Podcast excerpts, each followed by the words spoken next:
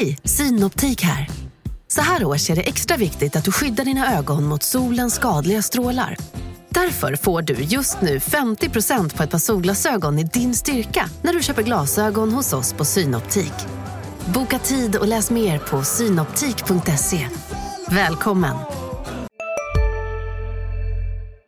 Ja, första röda kortet i podden i så fall. Men inte ditt första i karriären? Nej, definitivt inte. Nej. Jag har fått... Eh, Du har väl haft någon lång avstängning på dig? har du inte det? Jag missade en hel säsongsavslutning och eh, någon omgång av inomhusligan för att jag spottade mot en spelare i Holm. Ja. Mot, skulle jag säga. Då kan det bli. Inte på. In, inte på, Nej. skulle jag aldrig göra.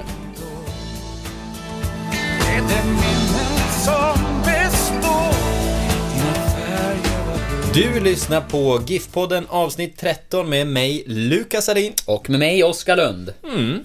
Ja, Välkommen Oskar, hur är läget? det är bara bra. Välkommen Eh, hem säger jag. Ja, tack så mycket. Jag kom hem i, igår kväll. Jag var Mm. borta över dagen förvisso. På Allsvensk upptaktsträff. Men, Mm. Kul att du får eh, se världen. Absolut, det har blivit mycket tåg nu på slutet faktiskt, eh, känner jag själv. Det har varit, men det har varit en del hockeyresor också. Eh, lite i fotbollens tjänst. Eh, dessutom då. Om du ska var vara ärlig nu, är du trött på hockey? Ja, men nu är man ju laddad för fotboll. Ja, absolut, visst är det så. Det är, eh, kanske inte trött på hockey, men framförallt mer sugen på fotboll. Det är jag. Men eh, upptaktsträffen då? Vad, vad tycker du om så? Jag har ju varit på några hockeyupptaktsträffar. Jag har aldrig varit på en allsvensk upptaktsträff. Ska jag säga. Men eh, eh, ganska segt kändes det då. Eh, Ja, men alltså, jag har varit på... Jag tror det är de, de tre... Jag har varit på ett gäng och jag tror att jag har varit på de tre senaste. Och... Det är ju lite segt blir det ju så här, Det är mycket någon som står på scen och, och, och rabblar lite nya regler och det är någon från förbundet och, och Uppsala kommun skickade upp någon representant precis innan det var dags för lunch. Det var ju väldigt dålig timing. Eh, jag zonade ut då. Ja, det, det var inte så bra TV kan jag säga. Jag Nej. följde den här ju ändå. Jag kan tänka mig det. Och Ja. det var väl ungefär lika roligt på plats just då. Eh, så att, äh, det blir ju lite så här konstlat, liksom konstlat och krystat på scenen kan jag tycka ibland. Det, det mest intressanta är väl oftast efteråt. Men eh, i ärlighetens namn så blir det ju mycket att man springer runt och försöker liksom beta av eh, ett gäng. Vi samlar ju in bland annat TV-material till den uppesittarkväll som vi ska ha eh, om Giffarna nästa vecka.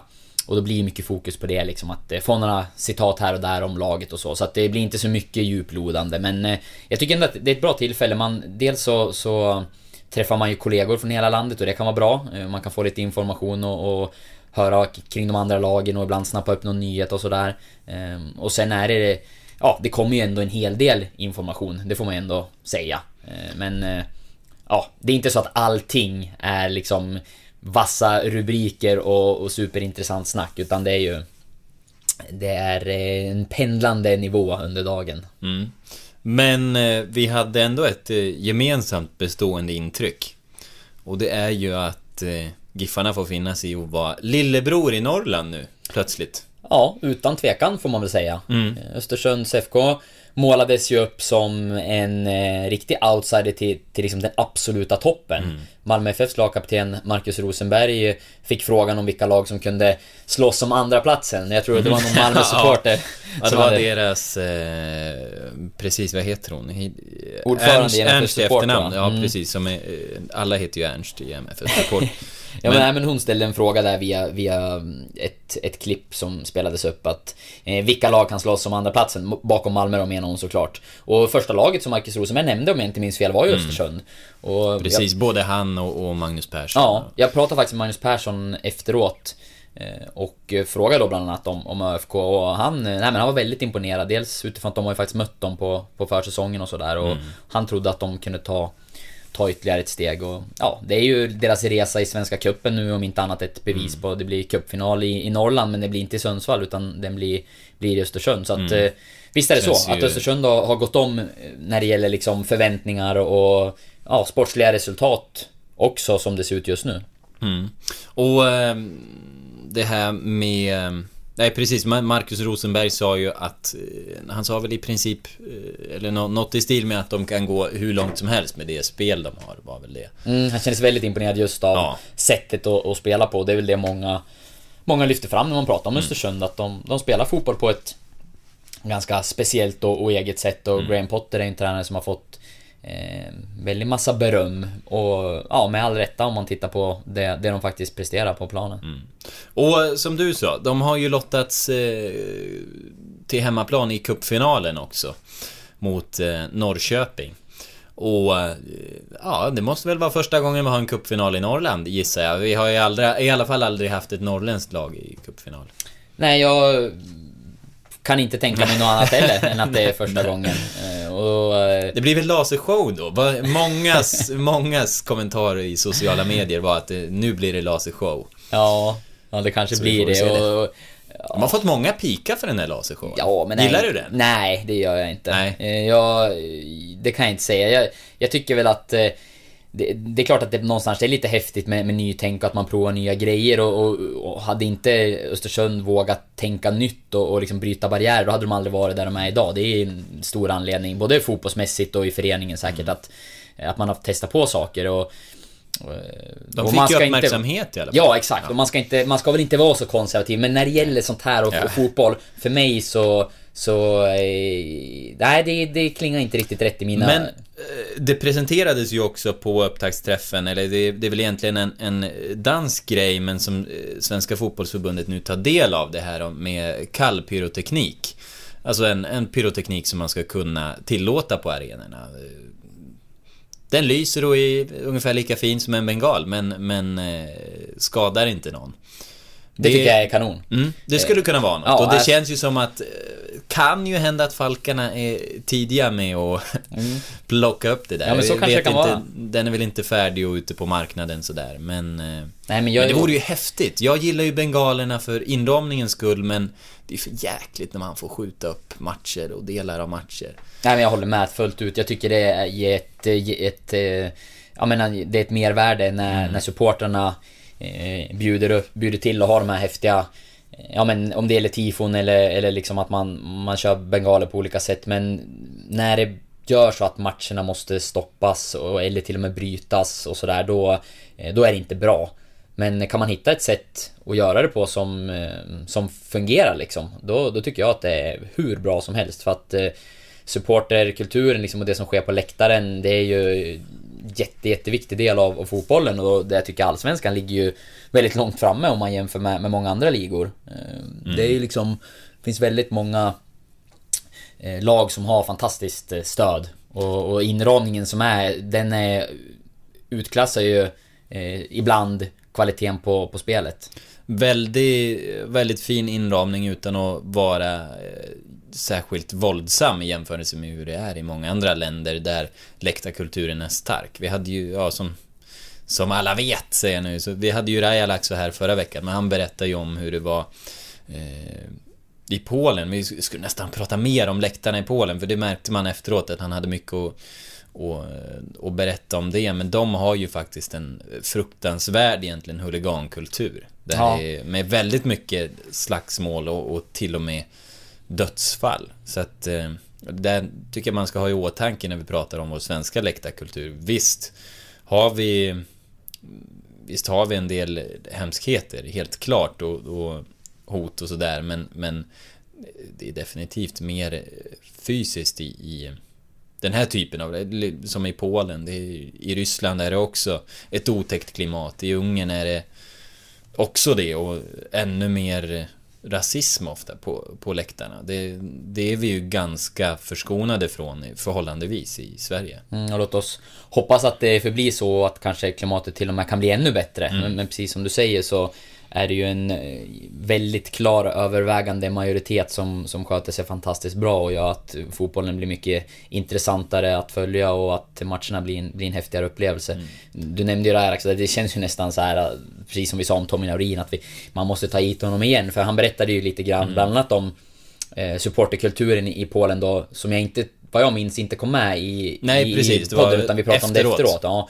Så det skulle vara intressant att höra mer om. Det var ju, det var ju inget roligt samtalsämne sådär, utan det var ju eh, någonting eh, mörkt och, och, och tråkigt det han berättade Mm. såklart gälla- gällande det då. Men, men det hade varit intressant att prata mer om det. Mm. Eh, och sen fanns det en massa andra ämnen som vi också borde ha Mm. pratat mer om med Sebastian Raja Laxo. Så att eh, ja, du får nog räkna med ett eh, samtal och en ny inbjudan till podden framöver. Så är det. Ehm, ja, men det, det var en lite sidostickare. Vi var egentligen, egentligen var det ÖFK vi, eh, Just det. vi tänkte på där, men vi är väl kanske, kanske på väg ifrån det. Men, men jag tänkte på det apropå ÖFK och just kuppframgångarna här. Ehm, för jag, jag tyckte att det är lite intressant att koppla det till den typen av försäsongsträning de har. Eh, väldigt ofta får vi ju se skrällar i, i kuppen tycker jag man ändå får säga, där, där små lag har varit överraskande jämna mot de allsvenska klubbarna. Eh, jag tror ju att det mycket beror på att eh, skillnaderna jämnas ut lite när man, när man tränar ner sig ordentligt så som det är vanligt att göra på en svensk försäsong. Eh, att, att du tränar väldigt hårt för att kunna vara bra senare. Östersund har ju, som de har berättat om, haft ett annat upplägg där man mer satsar på skadeförebyggande träning som man, som man kommer hålla i under hela säsongen. Ehm, med andra ord är man fräscha direkt från start egentligen. Jag tror att det här har varit ett väldigt gynnsamt upplägg för kuppen och de har ju definitivt hållit en väldigt hög klass. Men jag tror också att det kan vara, även om de är jättebra nu och bland eh, landets bästa lag så tror jag att det kan vara lite vilseledande. Jag tror inte att det här måste hålla i sig hela säsongen, men jag tror definitivt att de kommer vara några snäpp bättre. Ehm, och som det är just nu i, i dagens form så är de ju verkligen topp två i, i landet, det får man väl säga. Topp top två, tre, nå- någonstans där är de ju verkligen. Ja, det de har presterat på, på försäsongen och Svenska cupen är väl är ju toppnivå absolut. Och intressant spaning som du har där just när det gäller träningen och, och det är ju någonting som vi kommer försöka, eller som vi får följa helt enkelt under säsongen för att få svar på. Vi har nog facit där i höst. Ja, för det är ju det, om det är så att man tränar för lätt då, vilket i Östersunds fall skulle kunna vara, då, då borde det ju rimligtvis ge utslag senare under säsongen. Att eh, man, de andra lagen kanske mer bryter ner sig nu och, och bygger upp och att man liksom får en senare formtopp på något sätt då. Men jag, jag tror absolut att det fin- Jag tror att det kan finnas en poäng i att, att göra på det sättet. Även, eh, det kommer jag ihåg att Emil Forsberg har berättat om upplägget i Malmö. De hade väldigt korta träningspass med Rickard Norling. Aldrig mer än en timme har jag för mig att han har sagt. Eh, och alltid, eh, alltid en gång om dagen. Eh, och det man gjorde, då hade man en väldig kvalitet i träningarna. Aldrig, aldrig några bortkastade moment liksom. Men höll sig alltid fräscha i kroppen då. Så det, det kan nog finnas en, en kompensation i det, hålla sig fräsch men, men kanske inte marklyfta de här 20 extra pannorna. Eller vad det kan vara. Men, Eh, Och det man kanske kan frå- ifrågasätta i, i vissa fall eh, utan att eh, jag vet hur upplägget ser ut i alla allsvenska klubbar. Det är väl den träning man, man gör nu under försäsongen. Hur mycket underhåller man den sen Mm. under säsong? För att det är precis det som är grejen. Ja, för det kan vi känna att kör man stenhårt eh, under liksom januari, februari, mars Men sen så har man inte den här eh, Eh, den delen av träningen kontinuerligt under säsong Ja men då är ju kanske inte bortkastat det jobbet man gjorde under försäsongen men, men till stor del i alla fall eh, Och då kan det kanske vara så att ett litet jämnare upplägg som man konstant håller under hela säsongen kan vara bättre eh, Så att det, det finns ju säkert olika vägar att gå och det kan passa olika olika spelare i trupperna och olika trupper olika bra helt enkelt. Och det kan också vara så där tror jag att om, en, om man har ungefär samma kärntrupp som har kört en viss typ av träning under några år, då kan det både vara farligt att förändra för mycket men det kan ju samtidigt också ibland kanske ge, ge en kick att, att man byter träning, inte minst mentalt tror jag eh, att det kan vara ganska viktigt vad man gör under försäsongen också. Eh, det, det handlar ju ja men mycket sitter i skallen tror jag och, och kommer man till en säsong och, och verkligen känner sig väl förberedd eh, så, så är den effekten tror jag inte heller man ska underskatta. Mm. Nej, det blir, eh, det blir spännande. Nästa säsong, då tror jag att vi ska göra som våra kollegor på ÖP. De skickade ju Andreas Olsen på ÖFKs träning. Han är ju, han är ju lyftare.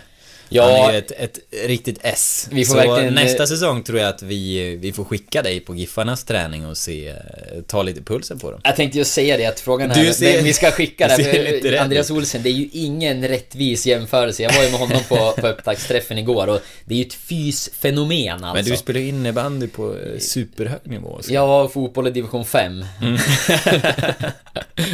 Nej, jag... Du har ju varit med i Gladiatorerna, du har ju testat de banorna. Ja, jag tror jag höll mig där uppe på, vad heter den? Eh, Läktaren? Nej, ja, där borde jag ha stannat. Hängbron, jag, jag sprang över någonting och de kastade bollar på mig och jag klarade mig väl ungefär 6 sekunder. Så att det, det är Ja, det var inte den grenen när de kommer med en gigantisk topp så ställer sig i vägen för dig. Nej, de slängde liksom bollar Mm. från sidorna som gungade. Eh, Jag, jag tror jag blev träffad av den första eh, och den andra. Samtidigt på något sätt som den tredje höll mig kvar. Och sen ramlade jag. Så att jag, jag kan Så vara så det att jag blev träffad av samtliga bollar. den- Otur i extrembalans, helt enkelt. Eh, jag, var Som- väl, som- jag var en katastrof, kan Ja. man säga. Jag tänker det är som, som Mr Burns i Simpsons, han har så pass många sjukdomar att de utgör en perfekt balans och skulle man bota honom från den ena, då skulle han förfalla. Ja, det var typ så då för mig. Ja, Så att, ja, vi får välja ut någon annan tror jag. ja. Men sen var det ju också, Giffarna var ju också där på upptaktsträffen. Ja, de var ju det. Joel Cedergren och Tommy Naurin. Och Urban Hagblom. Och Urban Hagblom. Men eh, Urban fick inte förtroende uppe på scenen, utan det var Joel och Tommy. Och eh, jag vet inte, den, den mest intressanta rubriken därifrån tycker väl jag var den med Joels hyllning till David Myrestam. För det är sällan Joel Cedergren sticker ut hakan, men nu gjorde han ju det. Ja, eh, och det var väl på den frågan han gjorde det. Annars var han väl ganska eh, försiktig Ja, han fick ju en väldigt rak fråga om Ja. David Myrestam och svarade alltså att han kommer bli en succé för Mm. oss. Ja, nej, det var ju sto stora ord och eh, visar ju att eh, Joel Cedergren tror väldigt mycket på David Myrestam. Eh, det gör jag också och vi har ju varit inne på det tidigare under försången att i det läget tyckte jag att han var den av värvningarna som hade levererat bäst.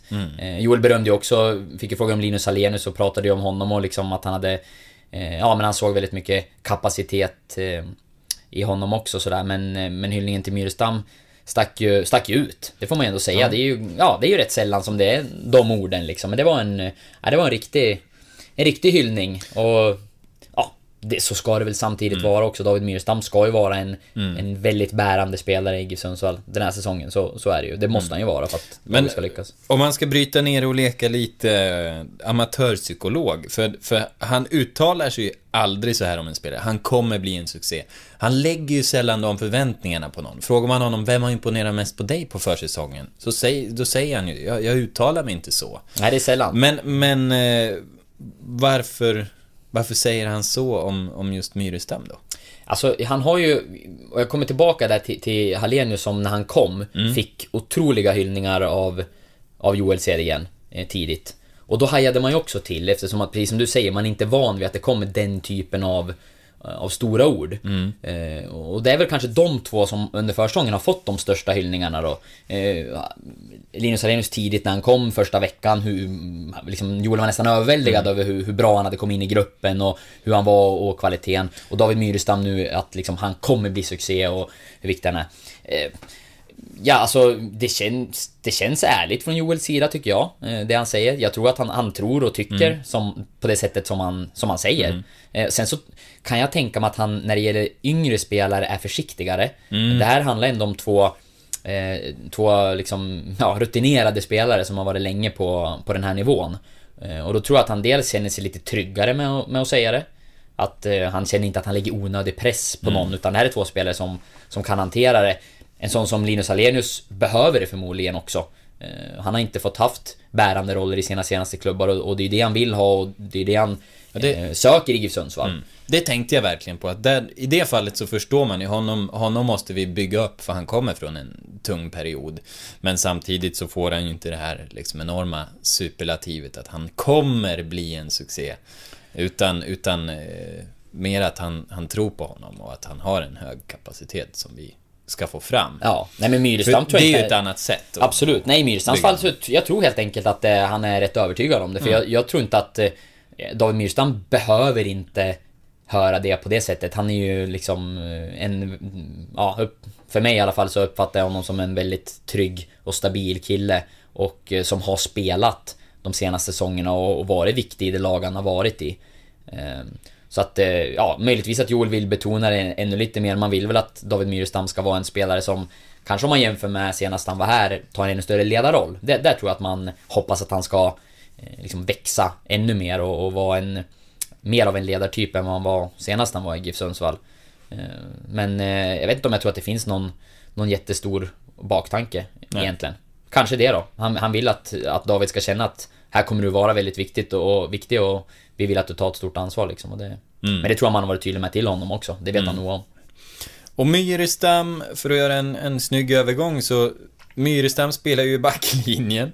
Han gör ju det. Och eh, backlinjen sägs det nu att de vill förstärka.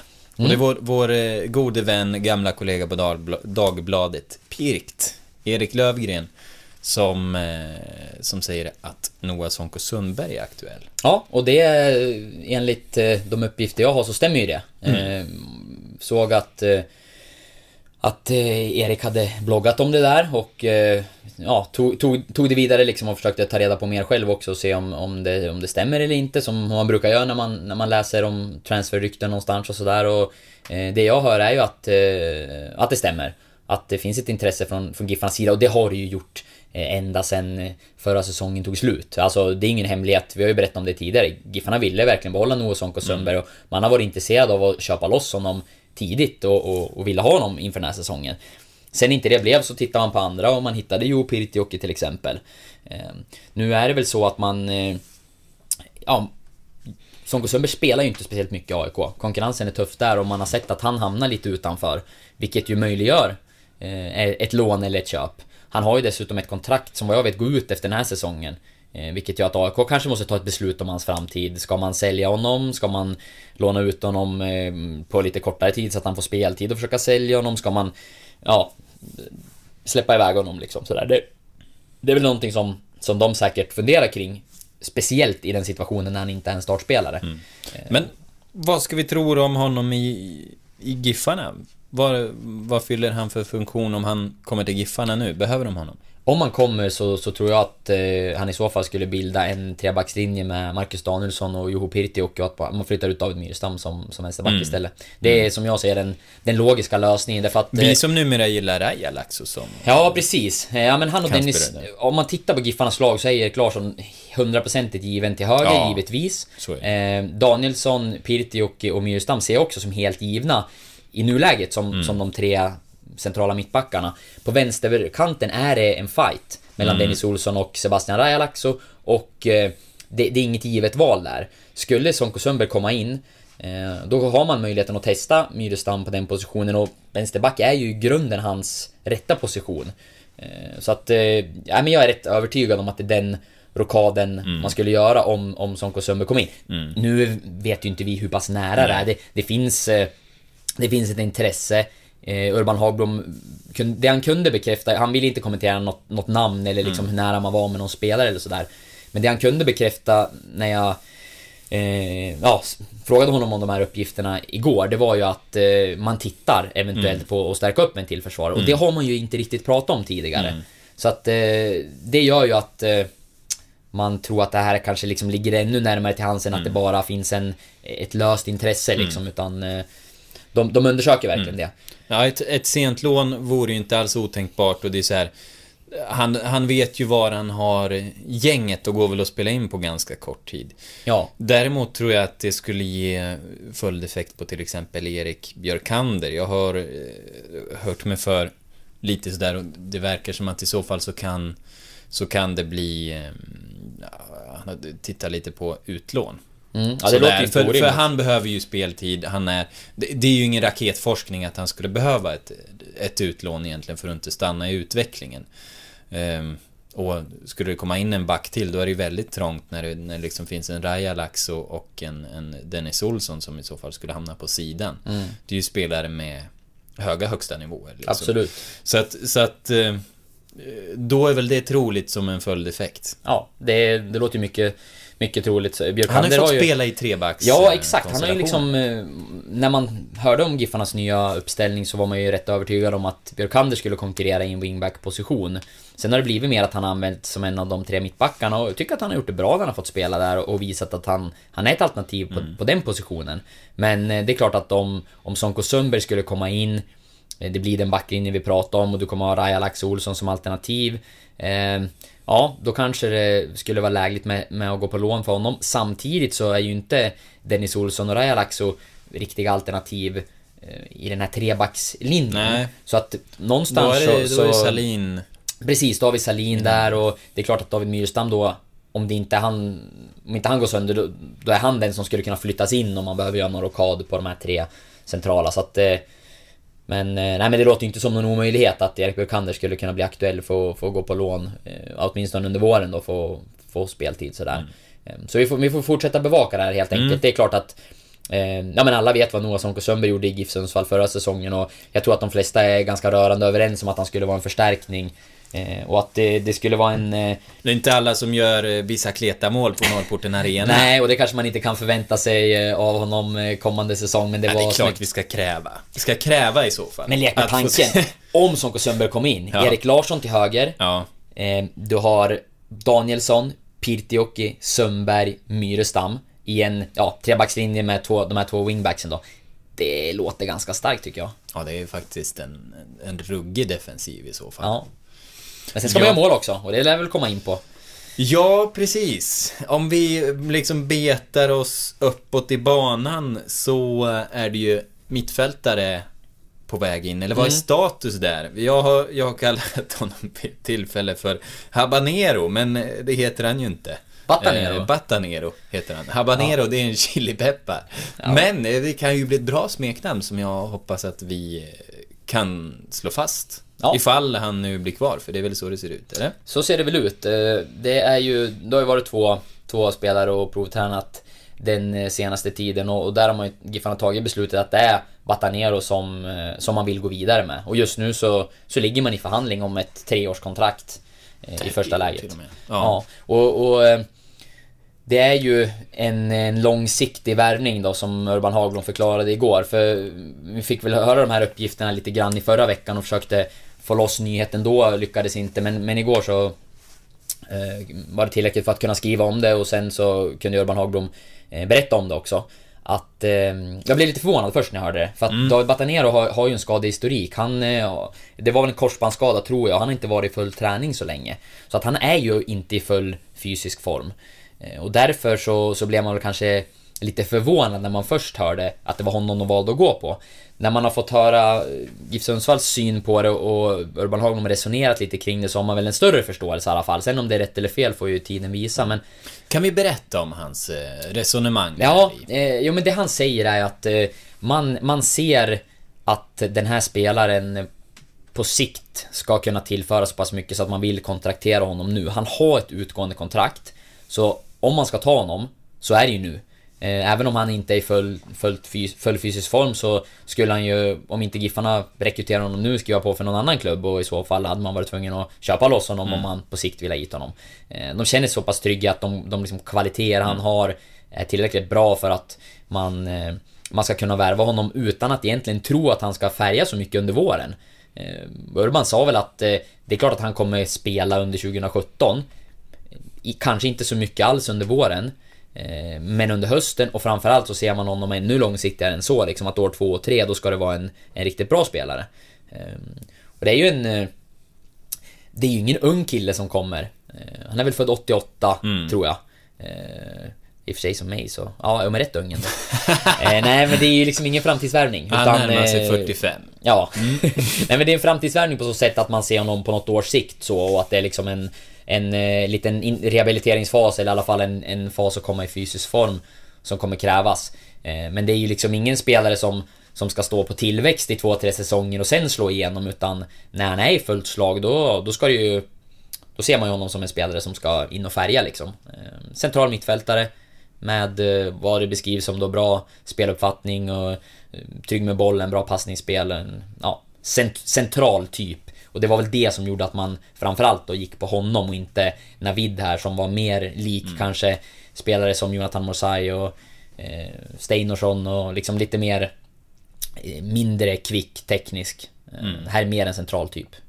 Ja, och som, för som jag har förstått det också från, eh, från insidan så har det varit lite överraskande för Just för att Naseri hade imponerat väldigt mycket och liksom tagit för sig även i, i liksom taktiksnack och på träningar och presterat och, och, varit en, en bra spelare precis som man fått höra från AFC och AIK.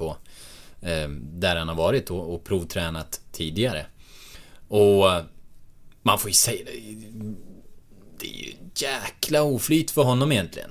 Han har tränat med tre allsvenska klubbar, alla verkar gilla honom, men... Det blir liksom Nej, nej visst. Vad... Vad intressant att du sa det där med att du tog plats på taktiksnack och sånt där. Jag, Mm. jag, jag har inte fått... Eh, jag har fått någon hint där om att han, han, han tog ganska mycket plats på något Tog han för taktiksnack. mycket jag, jag plats, vet kanske? inte men det, Ja. var, det var något i förbifarten som jag, jag hörde och fick någon liksom känsla av att eh, det kanske var så. I- jag tror inte på något på något liksom, eh, eh, vad ska jag säga, eh, elakt sätt eller på något liksom så, utan mer att det kanske var, man tyckte att det var lite roligt liksom att han hade, ja, om man hade dragit någon anekdot med någon klubb han hade spelat eller hur det var liksom. Jag var, kanske får undersöka det där lite mer, men det, det Ja. fanns någon liten rolig historia där tror jag. Eh, som Ja. vi kanske kan få, vi kanske kan nysta vidare och se, men eh, Nej men jag har också hört att han, eh, att han, eh, man tyckte liksom att det var en spelare som nästan alltid slog sin gubbe när han utmanade och sådär och som som, ja, ville vara, ville vara delaktig då precis som du säger och var med och snackade och inte satt tyst i ett hörn. Eh, Så att, nej men det är klart att det är säkert Säkert tungt för honom. Sen eh, vad det är som har gjort att det inte har blivit något på de olika ställena är ju svårt att veta. Vad, vad jag hade hört så var ju att AIK var jätteintresserade men att då, då dök det upp spelare som Simon Tern och Kristoffer Olsson och sådär och man gick på dem. Eh, Och man fick en, en eh, kasse med pengar där också för man sålde ju en bra anfallare. Eh, Och här i Sundsvall så låter det också som att man har tyckt att kvalitetsmässigt är en bra spelare men ja, han kanske hade behövt vara ännu ett snäpp bättre för att de skulle gå för honom. Han hade varit tvungen att verkligen slå ut eh, de här spelarna som är i samma kategori och liksom lyfta nivån. Och han var nog helt enkelt inte så pass bra. Eh, och det vi kan säga om Batanero som vi då fått se väldigt lite i spel, även om han uh, gjort ett mål på träningsmatch. Är ju att han skulle platsa på min frisyrlista om, Ja. om det nu blir klart. Han, eh, det känns ju väldigt eh, Ja, vad känns iberiskt. Eh, det är ju där det liksom går hem med den här eh, blonderade topparna. Det, Ja. det var länge sedan jag såg det, men nu har jag sett det igen. Det kanske är någonting eh, som kommer tillbaka här. Ja. Det är liksom lite Abel. Xavier eller när, när ja, han blonderar. I de sekunderna när jag är i luften så är det en kamp på liv och död. I Spotlights serie Vinnarskallarna minns stjärnorna själva de dramatiska svenska sportögonblicken. Hör Anja Persson berätta om när hon kraschade i OS-backen men reste sig igen. Jag ville vinna över berget. Vinnarskallarna, nytt avsnitt varje fredag. Sök efter podden Spotlight. Ni har väl inte missat att alla takeaway förpackningar ni slänger på rätt ställe ger fina deals i McDonalds app. Även om skräpet kommer från andra snabbmatsrestauranger. Exempelvis... Åh, sorry. Kom, kom åt något här. Exempelvis... Förlåt, det är något skit här. Andra snabbmatsrestauranger som... Vi, vi provar en talning till. La, la, la, la, la. La, la, la, la. Är ju inte topparna, han blonderar ju allting. Ehm, och Cristiano Ronaldo när han slog igenom körde ju också på något sånt här, fast då var det mer slingor. Ja, Liksom. det här är... precis. Batanero har ju verkligen... Eh, Han har gått all in. han har gått all in. Vi får se när han kommer tillbaka här vad han har för frisyr. Jag skrev ju den där texten igår och... och eh, ska han kilas in är det ju troligt att den förändras. Jaha, det kanske blir en Dr. Phil-frisyr Mm. likt Kristin Frej Sigurdsson. Nej, men jag skämde, vi hade så dåligt eh, bildarkiv på honom. Vi hade typ en bild som var tagen här under den tiden han var på plats. Och det, det var ju för dåligt. Jag Mm. hade ingenting att välja på. Eh, Jag hade velat mer bilder. Eh, Det var tur att det fanns. Så det, det är man ju glad för. Men vi får verkligen se till att om man nu kommer tillbaka här då och signar, ska ut på första träningen och bygga upp bildarkivet så vi har lite att välja Mm. på. Ni ska inte behöva se samma bild varje gång vi skriver om David Batanero. Det, det törs jag lova. Ja, det är bra. Vi lovar bättring Ja. i det.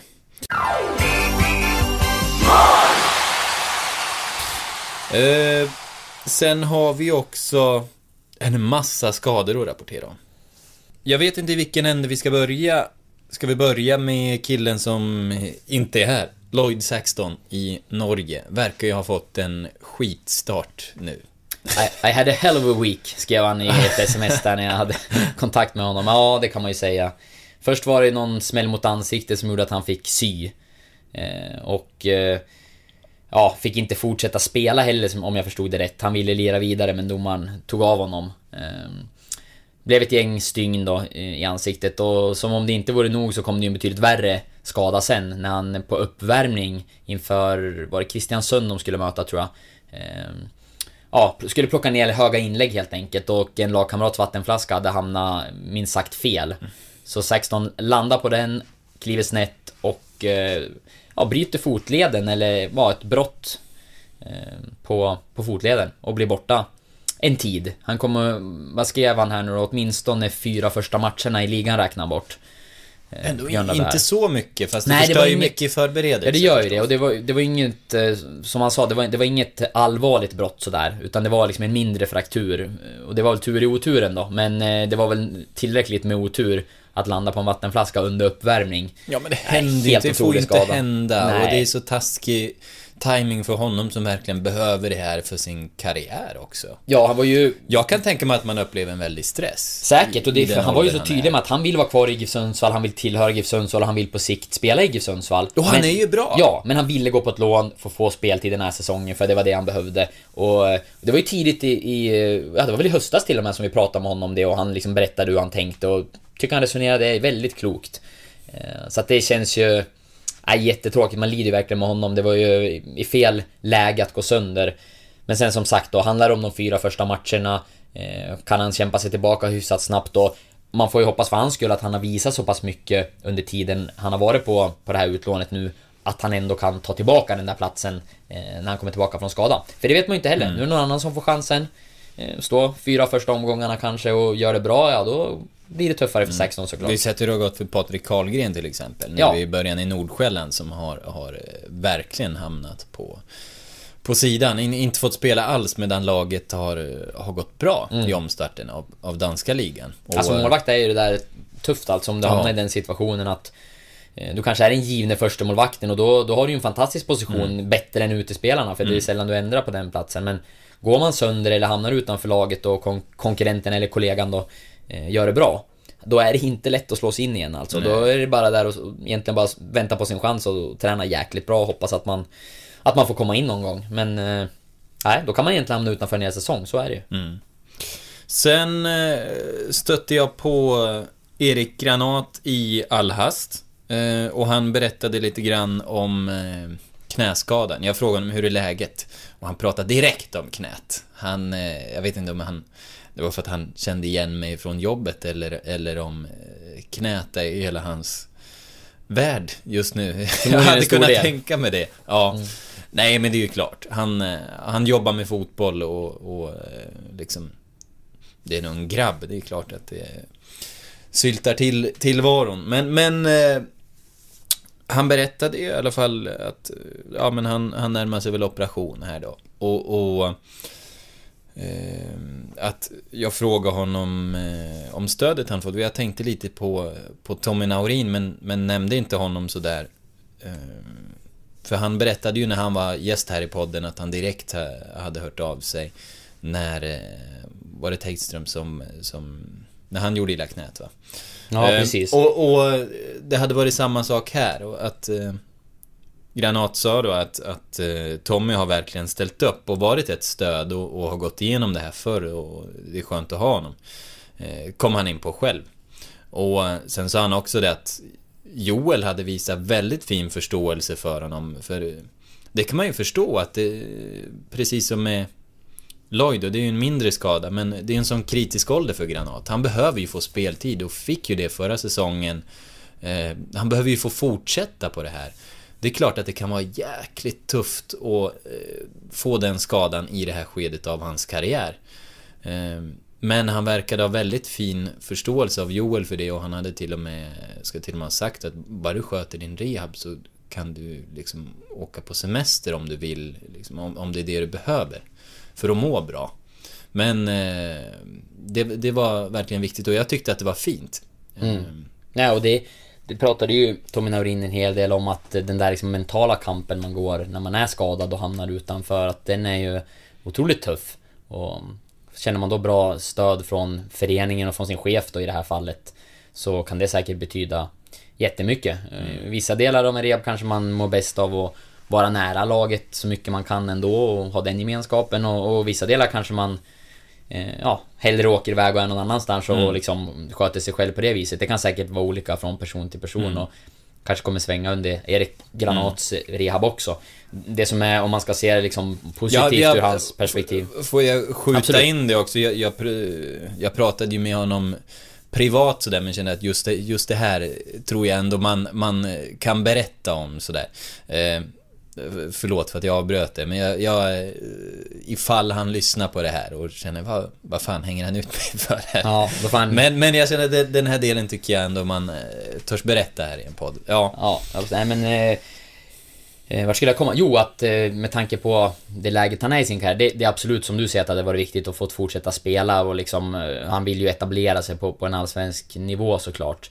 Eh, samtidigt så kan man också se det som att han är ung och eh, han har väldigt många fotbollssäsonger kvar i sig. Drabbas man av en sån här skada eh, lite mer mot slutet av karriären eller kanske mitt i den, då kan det i vissa fall kanske vara tuffare att ta sig, ta sig tillbaka. Ehm, med liksom, ja men... Dels bedömningen om hur mycket tid man, man klarar av och orkar och tycker det är värt att lägga på eh, rehab. Om det är liksom i allvarliga fall kan det handla om en hel säsong som försvinner och är man då i ett läge där man har några kvar, år kvar då kanske man inte... Eh, ja, lägger, har samma drivkraft att göra det liksom. Jag tror att Erik Granat, han ser ju att han har en lång elitkarriär framför sig förhoppningsvis och... Eh, på så sätt kommer han säkert inte ha några motivationsproblem på det viset liksom. Nej, och eh, det hade också liksom påtalats för honom att du har ett år till på kontraktet efter den här säsongen. Du behöver inte känna någon stress, utan eh, din tid kommer. Bara du sköter det här och betar av det. Mm. Liksom. Så att... Eh, nej, han... Eh, förhoppningsvis kommer han väl tillbaka som en, en ännu starkare person. Han, han har ju fått...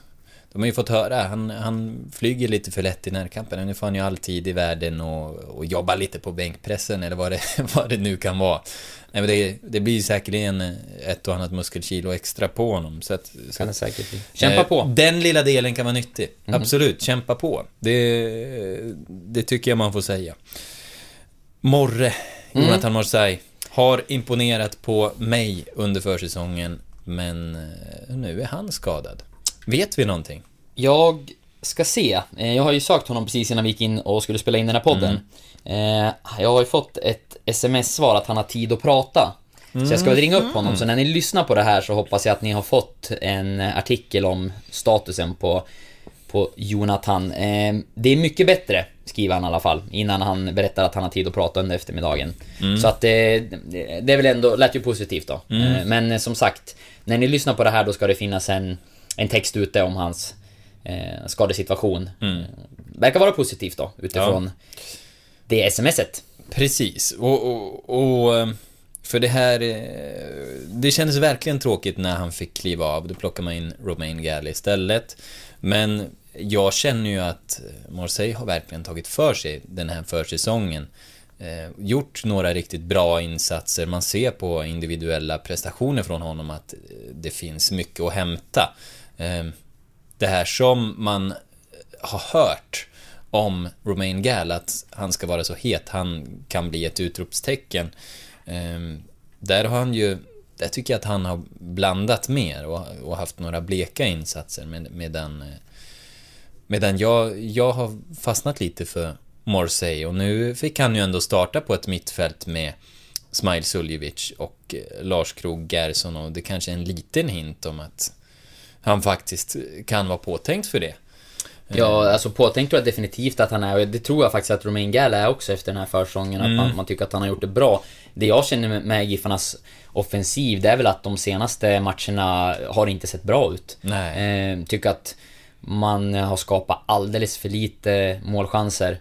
Eh, minns tillbaka till, ja vi tar matchen mot Brage först, eh, som är den näst senaste, så hade man jättemycket boll i första halvlek och, och eh, Eh, bollade runt liksom, men det gick sakta. Det var sällan man slog sin spelare och, och gick på genombrott, utan eh, det blev mycket fram och tillbaka och eh, Ja, det ledde ingen vart egentligen. Och sen emot... Eh, mot Jönköping Södra senast så, så skapades det ju nästintill ingenting. Så att jag, jag tycker att eh, det har inte sett speciellt bra ut de senaste två träningsmatcherna för Giffarnas del tycker jag. Det är lite oroväckande faktiskt. Ja, nej jag, jag kan inte annat än att hålla med. Jag tycker att just de, de två har varit bleka. Nu känns det som det här sista rycket vi gör nu innan Allsvenskan drar igång, då bör det ju spelas in en startelva och då får man eh, verkligen hoppas på att kvittorna kommer. Att, eh, att de spelare som ska kliva fram gör det. Eh, för det var ingen... Matchen mot Jönköping, jag såg faktiskt inte ens klart den helt. Jag klev undan i minut 75 tror jag. Jag hade helt tappat underhållningsvärdet och, och kanske till och med eh, känslan av att jag blev nog klokare. Så jag, nej, jag, jag håller med dig Oskar. Det var, det var sådär. Nu är det Marseille du skriver med nu. Jag, jag blir jättedistraherad. Eh, nej, det var faktiskt inte det. Det var, det var ett annat jobb, eh, Ja, jobb ja, ja. sms. Men jag, Ja. jag hör dig. Ja, sån är tjänsten. Ja. Nej men eh, vi får se här hur man liksom lyckas eh, Lyckas slipa till det de sista träningsfighterna men, men någonting, någonting eh, bör man hitta på. Mm. Och det, jag kan tycka att det har varit lite så med med Giffarnas anfallsspel ibland. Att man hamnar i det där att man vill ju vara bollförande och, och ha ett, liksom, ett possessionspel och så. Och det är ju, ja i grunden tycker jag att det är positivt. Det är, det är kul att kolla på om man, man styr matchbilden mer själv sådär. Men eh, det gäller ju också att man kan liksom trycka till och höja upp tempot när det behövs och liksom ställa om från det där bollägandet till att nu kör vi, nu går vi för någonting. För annars är det svårt om man hela tiden möter ett samlat försvar. Eh, Det är inte lätt att, att, att luckra upp och där, där hade man ju flera spelare som i fjol tycker jag du hade en Padibba som kunde riva hål i djupled och, och samtidigt öppna upp ytor för en spelare som till exempel Stefan Silva. Eh, Jag är ju lite av uppfattningen att, att Dibba betydde, betydde väldigt mycket för Silva. Eh, Man pratar mycket om Runa Sigurdsson i mina ögon, den, absolut den bästa spelaren Giffarna hade förra året och den viktigaste. Eh, Inge, inget tvivel om det. Men jag tror också att man, man ibland kanske glömde att eh, de djupledslöpen som, som Pa tog, de skapade en stor yta för Stefan Silva att kunna operera i. Och det var då han var som bäst. Eh, givetvis hade Runar också en jättestor betydelse för Silva, men de två tillsammans, eh, Eh, att båda de försvann, det gjorde ju Stefan Silva betydligt sämre också. Och det gjorde Giffarna som lag väldigt mycket sämre. Men där hade man liksom en anfallare som kunde rycka förbi, man hade Runar Sigurdsson som kunde ta bollen förbi en lagdel och trycka sig förbi en motståndare och flytta boll liksom på, på kraft och teknik. Eh, och så hade man en Stefan Silva som, som kunde liksom finnas i det där utrymmet och eh, lirka upp försvar. Nu känns det ibland som att det blir väldigt mycket bollande runt omkring och, och fram och tillbaka och man lyckas inte med det där sista att ta sig igenom. Och det, den nyckeln måste man hitta eh, när Allsvenskan drar igång. Mm. Nej men det, som du säger, det, det var två väldigt eh, skil- skilda spelartyper som kompletterade varandra bra Ja. Silva och, och Dibba.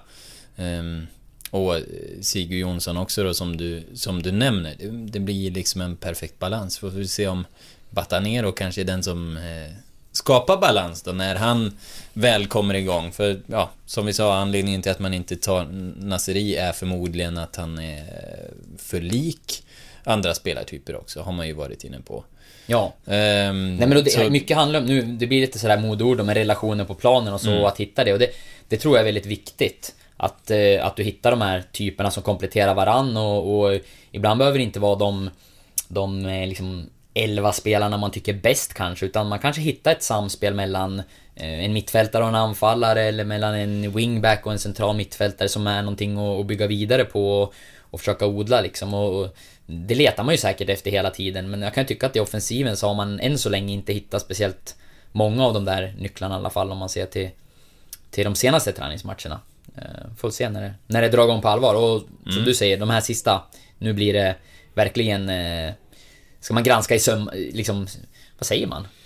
Granska Ja. i sy, sömmar vill jag säga. vi synar deras Synar sömnadsförmåga. sömmarna. Nej, synar dem i Eh, under de... Eh, ja, sista testen. Mm.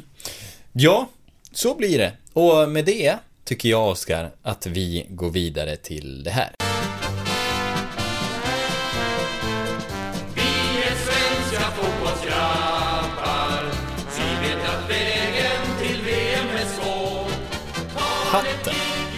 Vår gamla, goda hatt. En av veckans höjdpunkter där jag och Oskar, vi historielösa ungdomar, ska få minnas tillbaka. Ehm, nu är det ju faktiskt din tur, Oskar. Mm. Äntligen få dra en hatt. Spännande, det var ett tag sedan. Ja. Men eh, för all del, kliv fram och, och gör jobbet här. Jag har hällt ut lapparna som börjar bli få nu. Det är Ja. snart dags att skriva nya. Ja, faktiskt. Kul! Skriva ny historia. såg man inte framför sig när man... Eller vänta, det här, det här är din lapp va? Ja, jag har handskrivna lappar. Du har handskrivna och du lappar och jag har har- eh, Ja, datorskrivna. då tar jag en handskriven. Det är kul att få någon som man inte vet vad det är. Ja, Va? Vad har vi? ah, vad härligt. Va? Nu! Nu vill jag veta. Kalle Ståhle, vår idol. Oh! Ja, är en lysande lapp. Lysande lapp. Det första som eh, dyker upp i mitt huvud nu, det är eh, en högst personlig historia. Det är faktiskt så att jag har, jag har lite frisörfobi. Eh, Det hör till saken. Jag eh, var hos frisören och blev väldigt besviken när jag var, ja, jag vet inte vilken klass jag gick i, men det var på typ låg mellanstadiet eller sådär. Eh, sen dess har jag, tror jag varit hos frisören eventuellt en gång. Men annars är det min, min eh, mor eller eh, någon kompis som har fått klippa mig sen dess. Eh, Aldrig att- jag. Aldrig du, men du, du är varmt välkommen. Mm, tack. Men, men mamma har dragit det tunga lasset. Även en, en väninna till henne. Så att det, det tackar jag er för. Det har man ju sparat många kronor också sådär. Men, men det, har, inte- det har inte varit av snålhet utan det har varit av rädsla för att det ska bli fel hos frisören. Men man att, brukar ju säga att du har ju enormt mycket pengar, Oskar. Nej, det vet jag inte om man brukar. Och då ljuger man. Men, men... eh, Ja, så att ni hör. Jag gillar inte frisörer. Men på den tiden då jag gjorde det. Då tog jag en gång med mig en bild på Kalle Ståhl. Gav den till frisören och sa klipp mig så här. Var det det misslyckade försöket? Nej, det var, det var inte det misslyckade faktiskt. Eh, Den gången tror jag att jag blev ganska nöjd. Jag minns inte hur pass lik Kalle Ståhl jag blev, men eh, eh, jag minns att jag... Ja, nej det var ingen, det var ingen så här traumatisk upplevelse som det var den där gången då jag, då jag liksom grundlade min frisörfobi. Men vad, vad hade han för frisyr? Ja, det minns jag knappt nu, vad han hade då.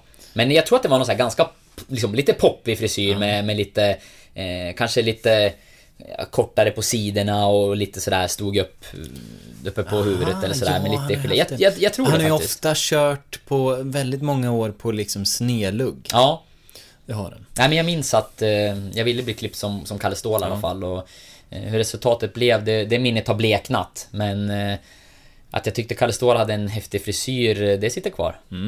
Som spelare kan vi ju summera Kalle Ståhls karriär i GIF Sundsvall som eh, ja, en, en mittbacksrese. Ja. Som eh, jag helt enkelt tog det säkra för det osäkra och eh, ren- rensade högt. Ja, nej, Kan man säga så? Ja men det gjorde han väl. Det är väl kanske lite, lite eh, Ja. elakt på ett Ja. sätt. Men, men så var det. Men med Resolut kärleken då, det var ju det som var Giffarnas personlighet egentligen eh, på den tiden då han Ja. var i laget. Det var med- inte det mest glamorösa laget Nej. på en ganska risig gräsplan var det väl också. De var jobbiga att möta och han stod för karaktär och, och liksom även ledarskap där och Jag minns, eh, eller minns, jag pratade med Tommy Bergersen faktiskt nyligen Och får väl outa det här då, att det kom en text med, med Bergersen om hans tid i, i Sundsvall Och eh, han nämnde Kalle Ståhl som en sån där karaktärsspelare som, som försvann sen under, under Tommy Bergersens tid här och att det var en anledning till att det gick sämre för laget, att man, man tappade en sån eh, gestalt Jag har ju också, Oskar, personliga fina minnen med Kalle Ståhl. Du har ju förmodligen spelat med honom eftersom du har gjort det Ja. med, med 90% av alla GIF-spelare jag nämnt hittills i det här programmet. Ja men det är ju märkligt ändå, jag har haft en sån himla svag fotbollskarriär men tycker ändå att jag fått med många av de här namnen på något sätt. Att de har korsat min väg. Ehm, Ja, nu, jag i och för sig, jag löser ju det här nu. Det, du har ju förmodligen bara skrivit ner sådana spelare som du har fått spela med. För att du i program efter Ja. program ska få lyfta fram din egen Jag fotbollskarriär. jagar egentligen ett kontrakt här. Det är ingen klubb som har kontaktat mig eh, sen vi började Nej, det är ju helt otroligt och vill ha mig i laget. Det kan ju inte finnas någon spelare av din kaliber som har fått den här obskyra publiciteten och omnämnanden i en, eh, en podd av den här digniteten. Ja. Och jag, senast så minns jag att du kom in på Raja Laxo där att eh, du hade spelat i Spanien. Ja, jag vävde in det, du såg din wingback-position, eh, flagga till flagga och sådär. Och Eh, ja, han grymtade till och bytte snabbt samtalsämne där tror jag, men, men du liksom försökte ändå jag lyfta fram försökte det. framhäva mig själv. Ja, Som- det är bra jobbat, men eh, ingen lycka än så länge. är jag, jag tänker bara på mig själv och det fortsätter jag med här nu. Ja. Nej men dels så var det ju första allsvenska matchen jag var på, då var ju min, det var ju min fotbollsklubb, Delsbo IF, som eh, skulle ut och, och liksom se världen, vi skulle få se allsvensk fotboll. Eh, då packade man ihop hela föreningen i en hyrd buss. Och så åkte vi till Sundsvall och såg eh, Giffarna förlora mot Helsingborg med 4-0. Alvaro Santos gjorde alla målen. Men... Eh, Vilken spelare. Kalle Ståhl var ju lite av det bestående minnet. För när jag, i den här åldern, det var ju innan jag tyckte att jag var särskilt cool då som fotbollsspelare och aspirerade på nummer 10 av någon anledning. Den här tiden ville jag ha nummer 3. Om jag inte minns fel så var det Kalle Ståhl som hade det, för jag tog ju i alla fall till med honom den här matchen.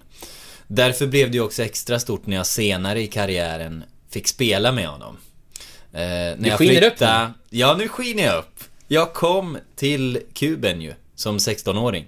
Eh, på, av någon outgrundlig anledning fick jag ju träna med A-laget, men jag var ju verkligen inte... Det borde jag ju inte ha fått gjort.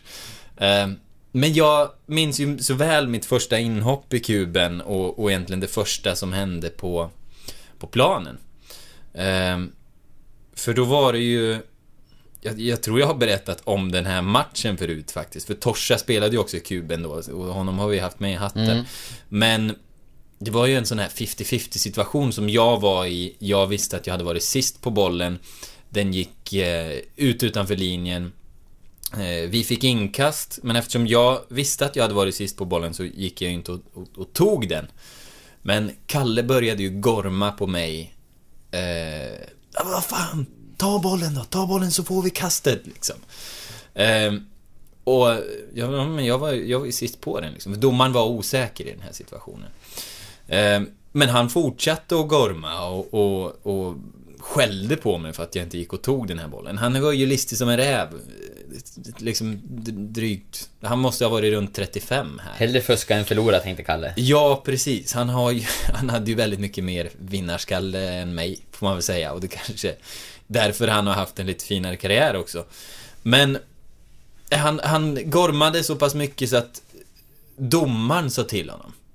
Nu får du lägga av. Så, "Men jag måste få skälla på mina egna spelare. och eh, det var ju för oss, han satte ju sin respekt verkligen här. Ja. Eh, och till det ska ju höras att bara eh, liksom hösten, hösten när jag kom också till kuben, eh, det var allra första träningen, så hamnade jag i en löpduell med honom. Eh, då satte han ju också upp, nej, han ska inte säga att han satte upp en armbåge, men han är ju en spelare som spelar med armbågarna högt. Eh, den satt ju i näsan på mig. Näsblod klev av första träningen för, för att fixa till snoken då. Men... Eh, Han satte jag nivån. kom ju tillbaka förstås. Jag är ju inte den som, som, eh, som kliver av för lite näsblod.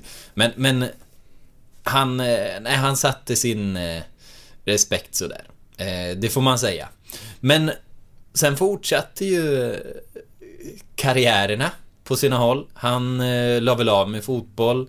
Jag gick vidare till Sidsjö Böle. Det var väl en mer lämplig nivå för mig. Och där korsades våra vägar igen. Den här gången var ju liksom, jag kan förstå att det här steget från Allsvenskan till Division 2 inte var lika roligt för Kalle. För det kanske handlade ändå någonstans om att, ja, jag kanske inte kan spela på den nivån längre.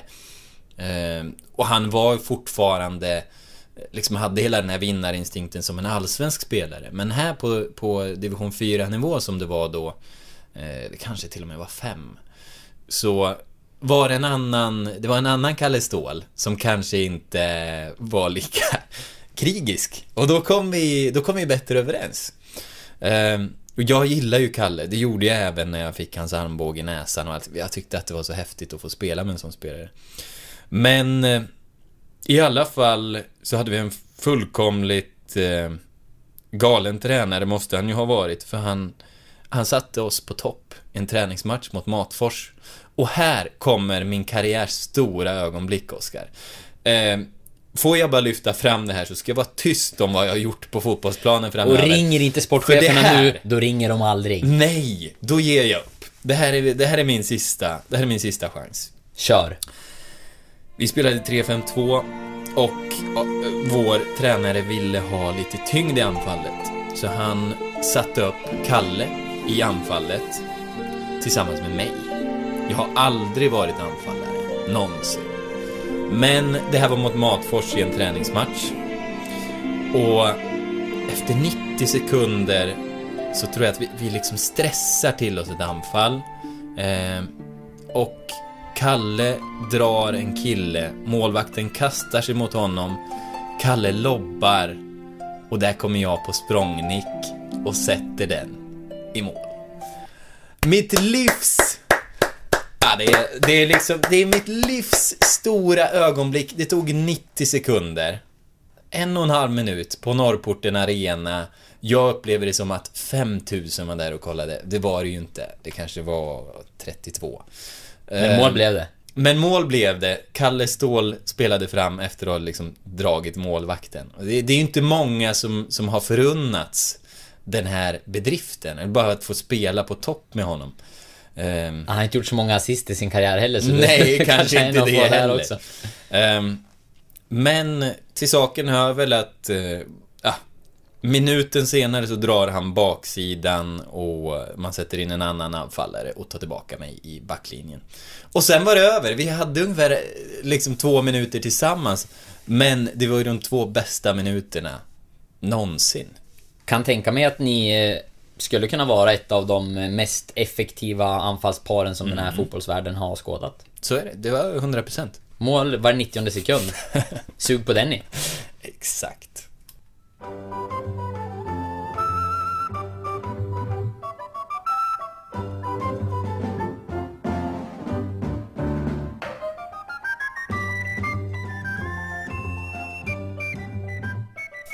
Med det så eh, kliver vi vidare till Leksand, Oskar, men det här blir ju ett kort segment den här gången. Ja, det blir ju det. Jag har ju fått eh, meddela dig eh, min oförmåga eh, leverera den här veckan. Det är, ja, jag, egentligen, jag, någonstans så borde jag komma med ett försvarstal här.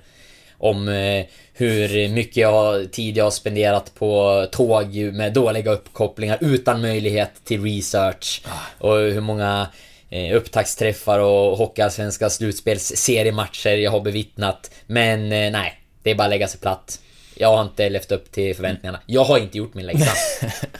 Men du framhäver ändå här eh, någon slags ursäkt som du inte vill använda. Men det, det är okej Oskar. Du får eh, FX, du får en avrakad fransk mustasch som får växa ut i nästa vecka. Läxan var att du ska plocka fram tre ungdomsproffs som kan vända hem till Allsvenskan inom kort. Mm. Ehm, Med tanke på hur dålig jag var Men så- med tanke på att det kom ett Rajalax-avsnitt däremellan så kan jag förstå också att det eh, glöms bort. Ja, men jag gillar lärare som, har, som ändå har den här förståelsen. Eh, Du ger mig ett FX men du ger mig samtidigt en liten klapp på kinden och det tackar jag för. Eh, Och jag skickar iväg en uppmaning till alla poddlyssnare och att Eftersom att jag lyckades glömma den här gången så är ju risken överhängande att jag gör det igen så kom Mm. gärna med förslag. Twittra Ja. eller mejla eller någonting. Smsa, ring. Ge mig förslag på eh, ungdomsproffs som kan komma tillbaka så ska jag se till att eh, leverera i nästa veckas podd istället. Då Mm. kan det ju bli en gäst kanske, men eh, Mm. med tanke på att jag misslyckades så grovt den här veckan så får vi se till att Kör det. redovisa Leksand oavsett Ja. nästa vecka om det blir gäst eller inte. Men... Det är premiärvecka då. Ja, det är det. Eller? Tänker jag fel nu? Vad... Det kanske det är. Jag tänker fel. Det är inte precis... Jaha. Eller nej, nästa vecka. Ja, det är det, säger nästa, jag. Nej, men nästa avsnitt är ju nästa vecka. Är Det det är klart att det är premiärvecka. Ja, ja, ja. Det blir ju eh, en bra vecka. Mm, Men, Absolut. Eh, så då. Med det tycker jag att vi rundar av. Klockan börjar bli fyra. Jag ska springa iväg till en buss. Jag ska ringa Jonathan Morsay. Morsay. Ja, och då blir det plusläsning med honom som ni kan läsa på sajterna. Ni kan se våra träningsmatcher i repris. Våra träningsmatcher. Eh, det kan ni inte göra, men Giffarnas träningsmatcher. Ja, ni som kan vi också... har sänt. Fak- För en liten stund sedan så publicerades en eh, artikel där Tommy Naurin visar upp årets eh, hemmatröja och lite, jag berättar lite grann om hur matchställen kommer se ut både hemma och borta. Eh, Så det blir ju igår då, för er som lyssnar på, på onsdag. Vi spelar in idag tisdag. Så att in, in och kika på det. Jag tycker det var snyggt. Det tycker jag att ni ska göra och så ses vi röstledes om en vecka. Det gör vi. Mm. Tack och hej. Hej hopp!